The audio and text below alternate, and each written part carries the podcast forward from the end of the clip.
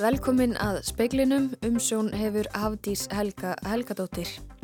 Profesor í stjórnmálafræði á ekki von á að svo óeining sem komin er upp innan ríkistjórnarflokkana í afstöðu til brottvísana flótafólks sprengi stjórnina. Þó undistriki það hversu mikill munur sé á stefnu flokkana. Íslendingur sem býr í Texas á ekki von á að afstafa almennings til bissu eignar breytist þrátt fyrir að enn ein, eina manns þrátt fyrir enn eina mannskæðu skot árásina í ríkinu í gær.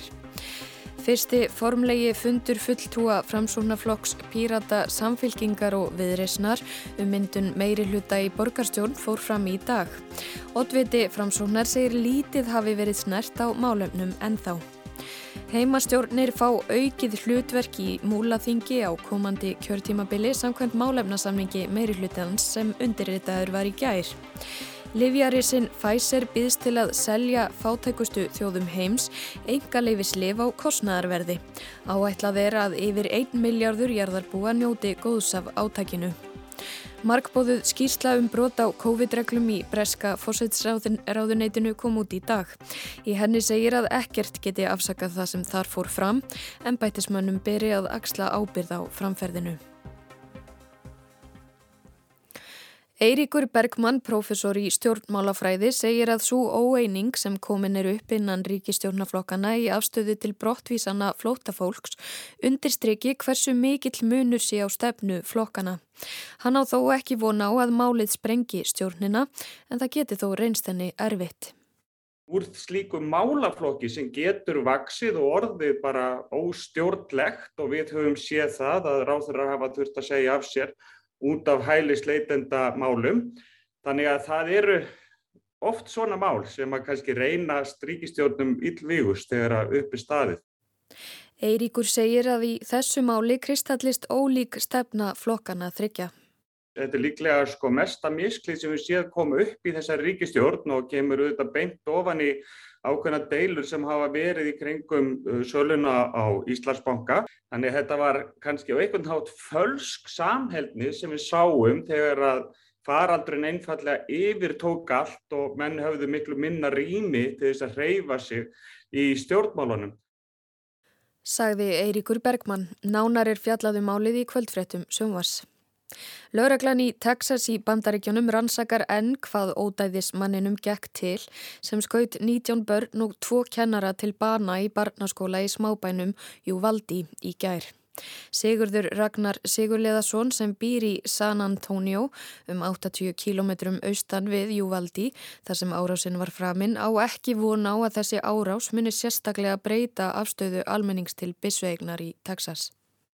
Þetta, það er rosalega mikið talað og, og, og fólk lemur að brjósta á sér í, í 2-3 vikur og svo sem þetta deyrir út. Ríkisaksóknari eða fylgisaksóknari saði í gæri, það fyrsta sem hann saði þegar, þegar hann kom í loftið í gæri það saði þetta er alveg fellegt að þetta hafi komið fyrir og nú er þetta alveg ljóst og við verðum að láta alla kennara í Texas hafa bissu og það er auðvöldar að kaupa bissu í Texas heldur en það er að fá leiði til að setja upp límunaði stand fyrir framann hústið fyrir krakkana þeina. Sagði Sigurður Ragnar Sigurleðarsson. Fulltrúar framsónaflokksins Pírata samfylkingarinnar og viðreysnar hittust í dag á fyrsta formlega fundi sínum varðandi myndun nýs meirihluta í borgarstjón Reykjavíkur. Um svo kallaðan viðræðu fundvaraðræða og Einar Þorstensson átviti framsóknar segir að lítið hafi verið snert á málefnum enn sem komið er. Já, þessi fundur er bara ágættur. Við erum að ræða það hvernig við ætlum að haga viðræðum uh, næstu daga. Uh, við höfum ekki snert á málefnunum neitt sérstaklega. Uh, það, það er mikilvægt að það sé svona skýri verka áætlun. Við rætum reyndar aðeins um málefni barna, svona óformlega, en, en svo vindur þessu fram. Þetta eru margir flokkar og, og mörg málefni. Áttu vonaði að þetta gangi ljúflega hratt og vel eða verða þetta erfiðar viðræður? Ég bara þá eftir að koma í ljós. Ég menna þetta eru fjórir ólíki flokkar. Uh, stefnan er, er uh, svipuð í sumumálum, ólík í öðrum málum.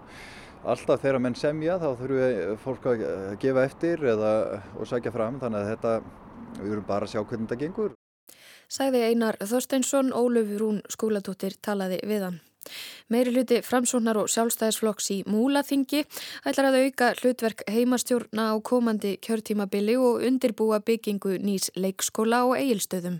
Málefnasamningur meiri hlutans var undirritaður í gær. Múlaþing var til með saminningu fjögur að sveitarfélaga á Östurlandi fyrir tveimur árum og eftir saminninguna var kosið til sveitastjórnar. Þá mynduðu sjálfstæðismenn og framsókn meiri hluta og sá meiri hluti helt í kostningunum 14. mæ. Í samkómulæginu er lögð áhersla á að byggja áfram upp stjórnsýslu múlaþings meðal annars með rafrænum lausnum. Heimastjórnirnar fjórar á Borgarfyrði Eistra, Djúpavogi, Fljótsdalsjæraði og Seyðisfyrði verði þróaðar áfram og þeim ætlað framkvæmda fjö til smærri samfélagsverkefna sem íbúar forgangsraða. Nýtt aðalskipulag verður unnið og frambóð byggingalóða aukið og stutt við byggingu í búðarhúsnæðis. Við verklegar framkvæmdir verður áhersla á að byggja upp veitukerfi, grunnskóla og loksins á að byggja við sapnahúsið á eilstöðum. Einning verður lokið við að undirbúa byggingu nýs leikskóla á eilstöðum á kjörtímabilinu. Ný sveitarstjórna eftir að fylgja því eftir að ráðist verði í gerð fjaraðheðarganga og aksarvegar. Einnig að heilbriðistjónusta verði bætt í öllum byggðakjörnum að aðstafa til bráðagreiningar verði til staðar á eilstöðum og að fjárframlög verði tryggð í ofanflóðavarnir á seyðisfyrði. Þá ætlar ný sveitarstjórn að ganga til samninga við Björn Ingimarsson um að hann verði áfram sveitarstjóri. Rúnar Snær Reynesson sagði frá. Bandaríski livjarisinn Pfizer áformar að selja fátækustu þjóðum heims engaleifis liv á kostnæðar verði. Forstjóri fyrirtækisinn segir að tími sé komin til að byrja að brúa bylið milli þeirra sem hafa efni á að kaupa lifin og hinna sem eiga enga möguleika á því. Albert Búrla, forstjóri, greindi frá þessari fyrirætlun í dag á ársfundi alþjóða viðskiptaráðsins í Davos í Sviss. Átækið kallast samstaða um heilbriðari heim. Sjónum verður beintað fimm sjúkdómasviðum, smittsjúkdómum, krabbameini, bólgum, sjálfgefum sjúkdómum og heilsu kvenna. Pfizer á enga lefi á 23 lifjum sem nýtast í baróttunni við þessa sjúkdóma, svo sem Kormindnanti, Paxlovid og bóluefningar COVID-19 svo að dæmi séu tekinn. Angela Kwang, yfirmaður líflifja fræðideildar Pfizer, segir í samtali við AFP fréttastofuna að átækið eigi eftir að gagnast hátt í 1,2 miljörðum jarðarbúa. Fimm Afrikuríki hafa þegar tilkynnt um að þau taki þátt í því. Það eru Rúanda, Ghana, Malawi, Senegal og Uganda. 40 til viðbótar stendur til bóða að semja við Pfizer um þáttöku. Ból Kagame, fórseti Rúanda, fagnaði í dag frumkvæði Pfizer. Hann hvaðst vona að fleiri fyrirtæki ættu eftir að feta í fótspor Livjarisans. Þörf væri þó enn viðtakara átæki til að styrkja hilbriðiskerfi Afrikuríkja og Livja eftirlit þeirra. Áskeir Tómasson sagði frá. Mjög mikill munur er á íþróttaiðkun barna á Íslandi eftir uppbruna þeirra. Börn sem hafa íslensku sem móðurmál eru mun líklegri til að æfa íþróttir en börn sem hafa annað móðurmál. Barnamálar á þeirra segir mikilvægt að ná til þessa hóps og ebla þáttöku þeirra í skipilögðu íþróttastarfi. Ungmennafélag Íslands og ISI stóðu fyrir málþingi í dag um þáttöku barna og ungmenna af erlendum uppruna í íþróttum en börn sem hafa annað móðurmál en íslensku eru líklegri til að æfa ekki í íþróttir. Staðan er verst hjá stúlkum í tíundabekk grunnskóla sem kom af heimilum þar sem einungis er talað annað tungumál en íslenska en ríflega 70% þeirra stundan er aldrei íþróttir á móti 45% stúlkna af alíslenskum heimilum. Margret Lilja Guðmundsdóttir, sérfræðingur, segir að samkvæmt niðurstöðum kannana rannsókna og greiningar stundar um eða yfir helmingur unglinga af erlendum uppruna engar reglulegar íþróttæfingar. Við sjáum að börn sem eru virki í íþróttastarfi eru síður líklega til að nota alls kynns vímaefni en líka bara þeim líður almennt betur, þau standa sér betur í námi og svona vegnar betur í raun og veru það sem gögnin okkar segja okkur. Og við þurfum kannski að vera mjög meðvituð um það að, að fólk kemur annar staða frá þar sem að íþróttinir hafa ekki þetta forvarnargildi og svo líka bara hvað við getum gert til þess að bjóða við velkomin inn í samfélagið okkar í heilsinu en kannski sérilega í Íþróttafélagi. Margret segir að fjárhagstaða barna af erlendum uppruna spili oft inn í.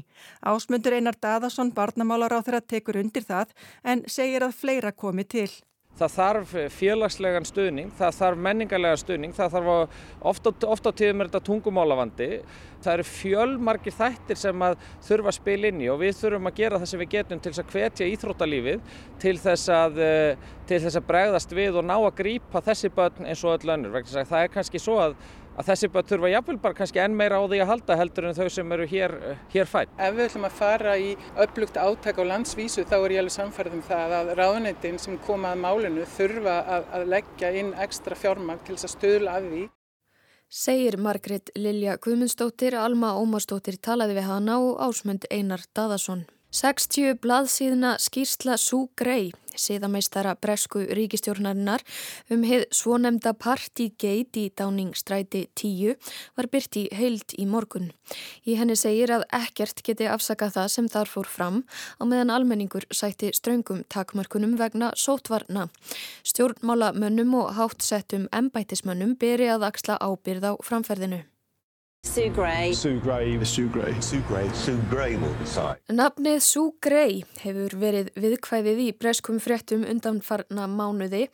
Gray er breskur embættismadur sem fáir vissu af þar til henni var fengið þar hlutverk að kanna veislustand og hugsanlega brota á COVID-reglum á skrifstofu fósætisráð þeirra í dáningsstræti. Í dag kom markbóðuð skýrslagrei út. Við báðum Sigrúnu Davíðsdóttur að segja okkur frá niðurstöðunum og viðbröðunum. En heyrum fyrst í Boris Johnson, fósættisráð þeirra, þegar hann ávarpaði þingið í dag. I'm happy to set on the record now that when I said, I came to this house and said in all sincerity that the rules and guidance would be followed uh, at all times, it was what I believed to be true. Segir hún það ljómar eins og einhverjir trúi fósætisráð þeirra ekki alveg. Hvað var hann að segja þannig? Liður í þessu máli um brota á COVID-reglum í kringum fósætisráð þeirra er að hann hefur margsagt og staglast á að það hafi enga reglur verið brotnar. Þetta hefur hann sagt í þinginu. Nú er hins vegar búið að sekta fósætisráð þeirra fyrir eitt brot, það gerist fyrir nokkrum vikum. Það sem hann var að segja þingkeimi þarna í dag er að þegar hann sagði áður í þinginu í fylstu innlagni, segir hann, að öllum reglum hefði verið feilt, enga reglubrotnar, þá taldi hann það sannleikanum sangkvæmt en já, það eru greinlega ekki allir sem trúa því. Nei, og við ekki maður þess að skýrslunni margum töluðu, hverjar eru svona helstu niðurstöðunar? Skýrslan er alls 60 blaðsíður, textin sjálfur, einhverjar 37 síður og síðan byrtar myndir sem sína fórsætsráðaraðasumbli. Textin er svolítið á ennbætsmannamáli, talað um að ímislegt hefði átt að leifa og hefði átt að líðast í stað þess að kannski vera svolítið skýrari að, að, og fá ganga eftir hver leið þetta eiginlega. Það eru þarna úttektir á 15 samkomum uh, frá mæ 2020 fram í april 2021 og það er eiginlega svo miklar drikkjulýsingar að það svífur nánast ámann af lestrinum uh, líka sagt frá uh, einhverjum sem kostuð upp og, af drikkju og, og einhver slagsmáljafi líka. Nú fórsætsráður var viðstættur flestar af þessum samkomum en reyndar ekki þegar mesta drikjan stóð yfir verðistöra. Og hvað segja þessar lýsingar um vinnu umhverfið á, á skrifstofu fórsætsráðura? Klárlega það er drukkið meira þarna en víðast líðst til dæmis í enga geiranum. Þeir sem þekkja til segja þetta alveg nýtt þarna. Þetta hafi ekki týðkast í tíð fyrri fórsætsráðara. Johnson hafi skemmtana vært skrifstofuna. Það var líka sjónvarsáttur í vikunni þar sem var rætt við þrjá ónafngreinda starfsmenn í dámustræti sem sögðu enn frekar frá þessu partistandi, yfirlega flöskur, matarafgangar og drasl á borðum þegar fólk mætir í vinnuna, svona heldur óverðulegt og í skýrslunni eru byrst líka orðrétt skilaboð ennbætsmanna um að samkomundar hafi sloppið við aðtikli starfsfólk eigi svo að passa sig að láta ekki sjá sig með flöskur í nákvæmni myndavila. Þetta sínir ekki mikið naga. Nei, en fórsættis að þeirra sagðist í dag axla fulla ábyrð. Hvernig kemur það fram? Það er einmitt margir sem spyrja þeirra spurningar. Fórsættis að þeirra talar um að hann sé ekki að afsaka sjálfan sig, hann byrja fulla ábyrð, hafi þegar gett breytingar sem þurfi. En það er ekki að sjá að neitt beri ábyrð á þessu. Þetta bara einhvern veginn hefur gerst. Hann segist í áfalli yfir þessum partilýsingum en hafi bara alls ekkert vita á þessu. Hér starfmerleitu í verkamannflokksins sér þetta svolítið öðrum augum. Nýtti á í dag að fórsætsráð þeirra var sektaður fyrir lögbrot, fyrir brot á COVID-reglum. Stjórnarþingmenn þurft að losa sig við leittóa sinn. Það var ekki hægt bæði að setja lög og brjóta þau. You cannot be a lawmaker and a lawbreaker. Lauraglu rannsókn á lögbrötunum í dáningstræti er lokið og, og nú þessi skýrsla er einhverjum spurningum ennþá ósvarað. Sati Kahn borgarstjóri hefur skrifað bref til höfuborgar og lauraglunar sem sáum rannsóknina og byður um útskýringar á af hverju þeir sem fengur segt virðast aðeins hafa fengið eina segt þó er hafi verið viðstættir margar samkomur sem eru taldar lagbrót því að aðrir viðstættir voru segtaðir og einn þeirra sem fekk bara eina sekt er fórsætsráðara eh, en, en sem sagt var á fleiri samkomum. Þess er líka spurt í dag af hverju kvorki súgrei nýja lauruglan hafi aðtúað meint lögbrot á samkomum í enga íbúð fórsætsráðara. Svo já, það eru enn spurningar án svara. Eh, Boris Johnson hefur sjálfur eh, viljað eh, ljúka þessu máli, hefur hann sagt. Myndur þú segja að, að skýrslan væri enda nútur á þessu öllu saman? Nei, fórsætsráðara er ekki sloppin. Það er þingnemnd núna að kanna hvort hann hafi sagt þinginu rangt frá, öllu heldur logið að þinginu sem væri klátt afsagnarefni.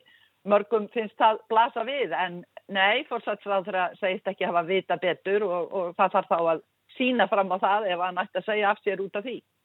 Einmitt og, og krafanum afsögn orðin en háværari e, breytir þessi skýrsla einhverju um framtíð fórsættisáðara? Skýrslan gefur insýn í söksamt vinnu um hverfi fórsættisáðara og þetta er viðbútt við að Johnson hefur almennt heldur slög stjórnartök. Hann þykir ekki mikill verkmaður. Hann er kannski betri að lifta glasi en að lifta politískum grettistökum. Hverju skýrslan breytir um framtíð fórsætsráðara er svo annað mál. Hún breytir engu meðan þingmenn eru tilbúinar að verðja leðtogan falli. Stjórnarþingmenn voru ekki gaggrinir í dag á leðtogasinn. Eitt fyrirverandi íhalsráðara, Tobias Elwood, er hins vegar gaggrinin og spurði í þingumræðanum í dag hvort félagar hans vildu í alvörinni halda áfram að verja framferðið fórsætsráðara fram í rauðan döðan. Is are you willing day in and day out to defend this behavior publicly? Svarið sem hann fekk var að já, það vildu ymsir. Meðan meirilutin hugsar þannig, þá er fórsætsráðara ekki neittnum fallættu. Þetta var Sigrún Davíðstóttir, bladamadur í Lundunum.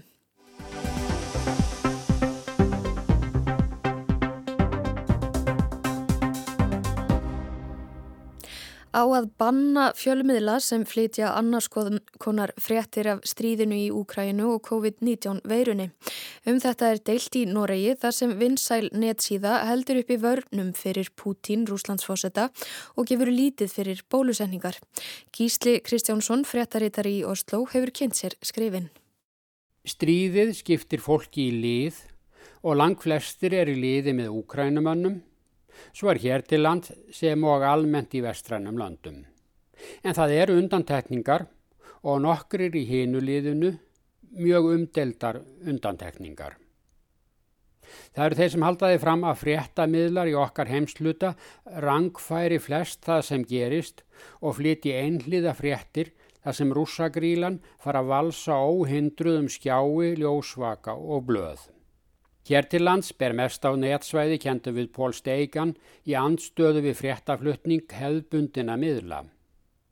Og skrif hans og félaga á netinu valda töluverðum titringi og jáfnvel kröfum um að netsíðunni verði lokað.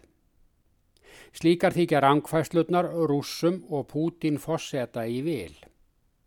Lærðir menn hafa reknað út að 87% af stríðsfréttum hjá steikan séu ekkert annað en gaggrínislaus þýðing á opimberum fréttum frá Moskvu. Þarna blandast oft inn andstaða við bólusetningar, andstaða við tiltektir yfirvalda til að hefta útbreyslu COVID-19 verunar og stundum vantrú á tilvist verunar. Allt er þetta sögn uppspunni livjaauðvaldsins. Hjá steikan er skrifað jöfnum höndum um pólitík og læknisfræði. Áherslur er líka oft líkar því sem er á íslenskum netsíðum sem telja hefðbundna fréttir af stríði og veiru, villandi og hlutrægar. En hinn umdeldi steikan kann vel við sig þegar sótt er að honum úr öllum áttum. Vest er þó að flokkur, sem hann taldi lengi sin eigin, hefur snúist gegn honum vegna skrifa um stríðið og veiruna. Flokkurinn vil stöðva þannan umdelda fréttaflutning Það sem jafnvel stríð og veira eru talin eiga sameinlegt upphaf. Þetta er flokkurinn Raut sem státar meðal annars af Mími Kristjánsinni í áttamanna þingflokki. Raut afneitar sínum gamla leðtoga og kenningasmið. Steikan var, ásamt mörgum þeirra sem skrifa með honum á hennar umdeldu netsíðu, í forustu sveitl Max Leninista fyrir um 50 árum. Og nú er eins og gamlu mennirnir gangi í endun nýjun lífdaga meðan ungliðarnir á þingi eru lítið hrypnir og vilja bann og þó treyfing Max Leninista hafa sínum tíma einkennst af innbyrðist deilum og klopningi þá sameinast nú allir í baráttunni. Og málstæður neitt þar að afhjúpa undirferðli og heimsvaldastefnu bandaríkjamanna og NATO og Evrópusambandsins. Ekki er híkað við að kalla Evrópusambandið hernaðarbandalag og selenski fósetti úrgrænu fær ekki háa engun. Þannig eru öll skrifinu augurandi en líka oft mjög skemmtileg. Einni blandast inn fortíðarþrá þegar háskólinn var fullur af rótæklingum sem lásu Karl Max í þaula og let ekki fjölmiðla auðvaldsins segja sér hvað væri rétt og hvað ránt. Og seldust jættabaráttuna fyrir utan ríkið á föstudögum. Orð, tilvitnanir, kenningar og val á hetjum er oft eins og var fyrir 50 árum. Heimurinn skiptist í tvö lið annarkvort draga menn vagnin með auðvaldinu eða sameinast í vörn gegn yfirganginum úr vestri stiðja varnarbaráttur úsa. Mér er sér Stalin er komin hér enn á ný og umdeldur sem fyrr. Er eitthvað nóttæft í stefnu Stalins sem hægt er að velja úr? Kanski en vandin er að ekki er hægt að kaupa Stalin í lausri vikt, annarkvort fá menn heilan Stalin eða ekkert. Svo Stalin fær ekki að vera með. En Pútín er ekki Stalin, Pútín er hvorkin hægurinn eða vinstri, Pútín er ríkið. Gömlumennirni fara ofta á kostum í skrifum sínum.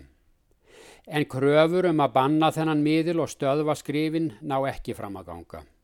Ef að semtur um bólusetningar og notkun munnbinda og almannafæri fóru mest í taugarnar á fólki til skamstíma, en einni ímsar fullirðingar um fríðarást og varnar bara áttu Pútins fósetta. Það eru aðrar fréttir en allir aðrir fjölmiðlar flytja. Gísli Kristjánsson fréttaritari í Oslo tók saman.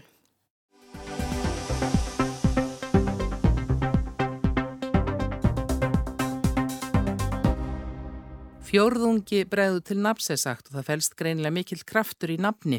Hefðir og vennjur hafa mikil áhrif á nafngiftir en í rúmlega hundra ár hefur þótt vera þörf á lögum um mannanöfn.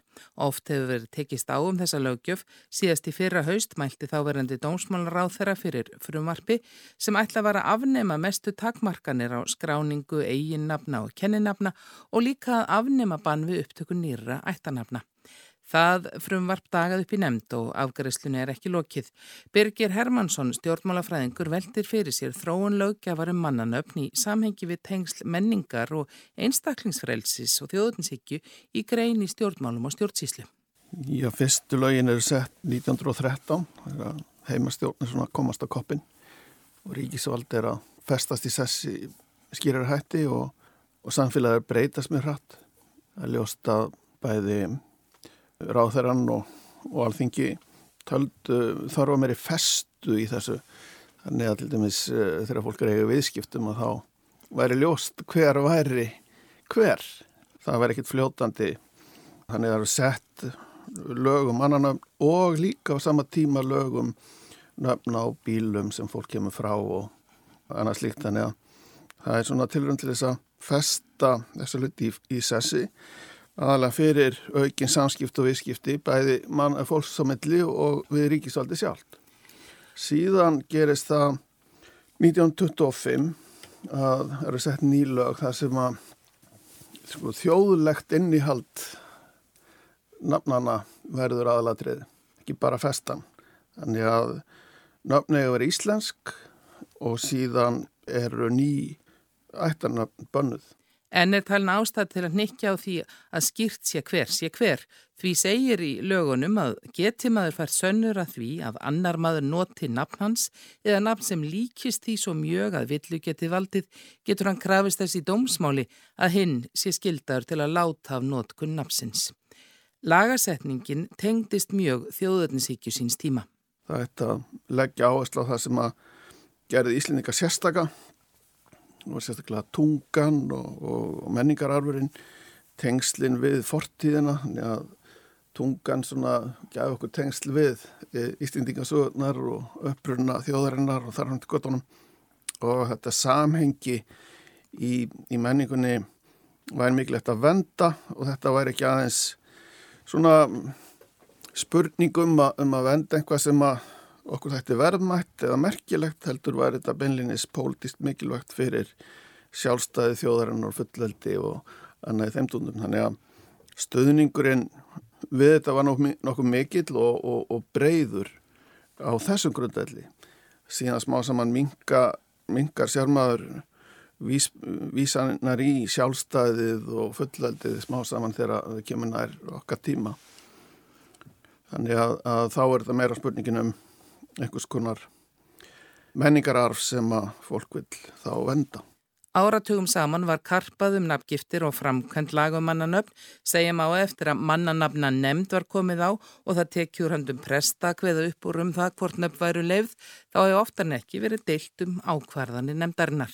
Það snýrist fyrst og fremst um eiginöfn fólks ekki þessi kenninöfn. Ættanöfnum voru bara sett til hliðar uh, og, uh, og ákveða að halda sömu reglum frá 1925 sem við höfum ennþá um þetta í dag. Þannig að smám saman hefur umræðan bæði um ákvarðanir sem mann nefndar og, og síðan hvort að ég að slaka á þessu um, ættanabbanni. Hún hefur svona augist smám saman alveg til okkar daga. Birgir segir að þjóðurnisstráðurinn sé enn sterkur í umræðum um nafnalög.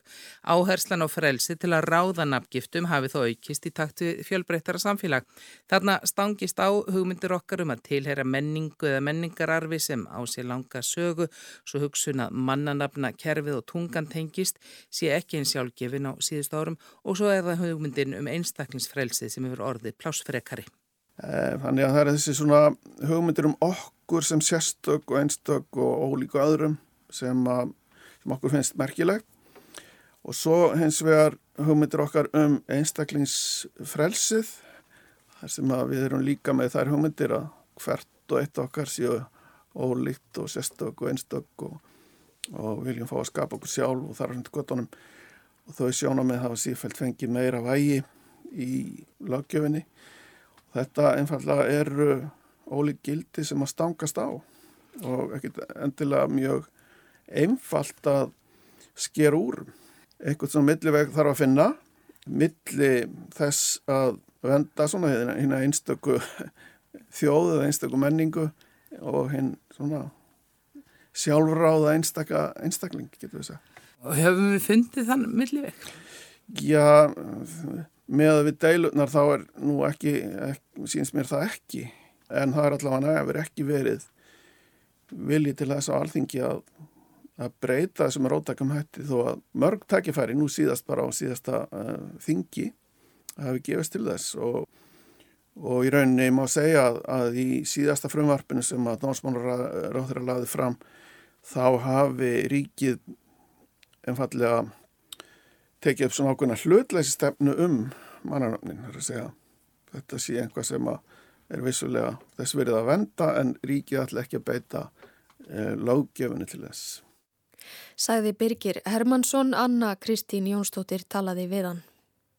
Veður horfur á landinu til miðnættis annað kvöld, breytileg átt 3 til 8 metrar á sekundu og dálítil regning eða skúrir í flestum landslutum. Hiti fjögur til 11 steg. Norðan 5 til 10 á morgun og súld eða regning norðan og austanlands en annars bjart með köplum og líkur á stöku síðdegiskúrum. Hiti 5 til 14 steg, hlýjast seðst. Fleira er ekki í speiklinum í kvöld. Tæknimaður í útsendingu var Magnús Þorstein Magnússon. Verið sæl.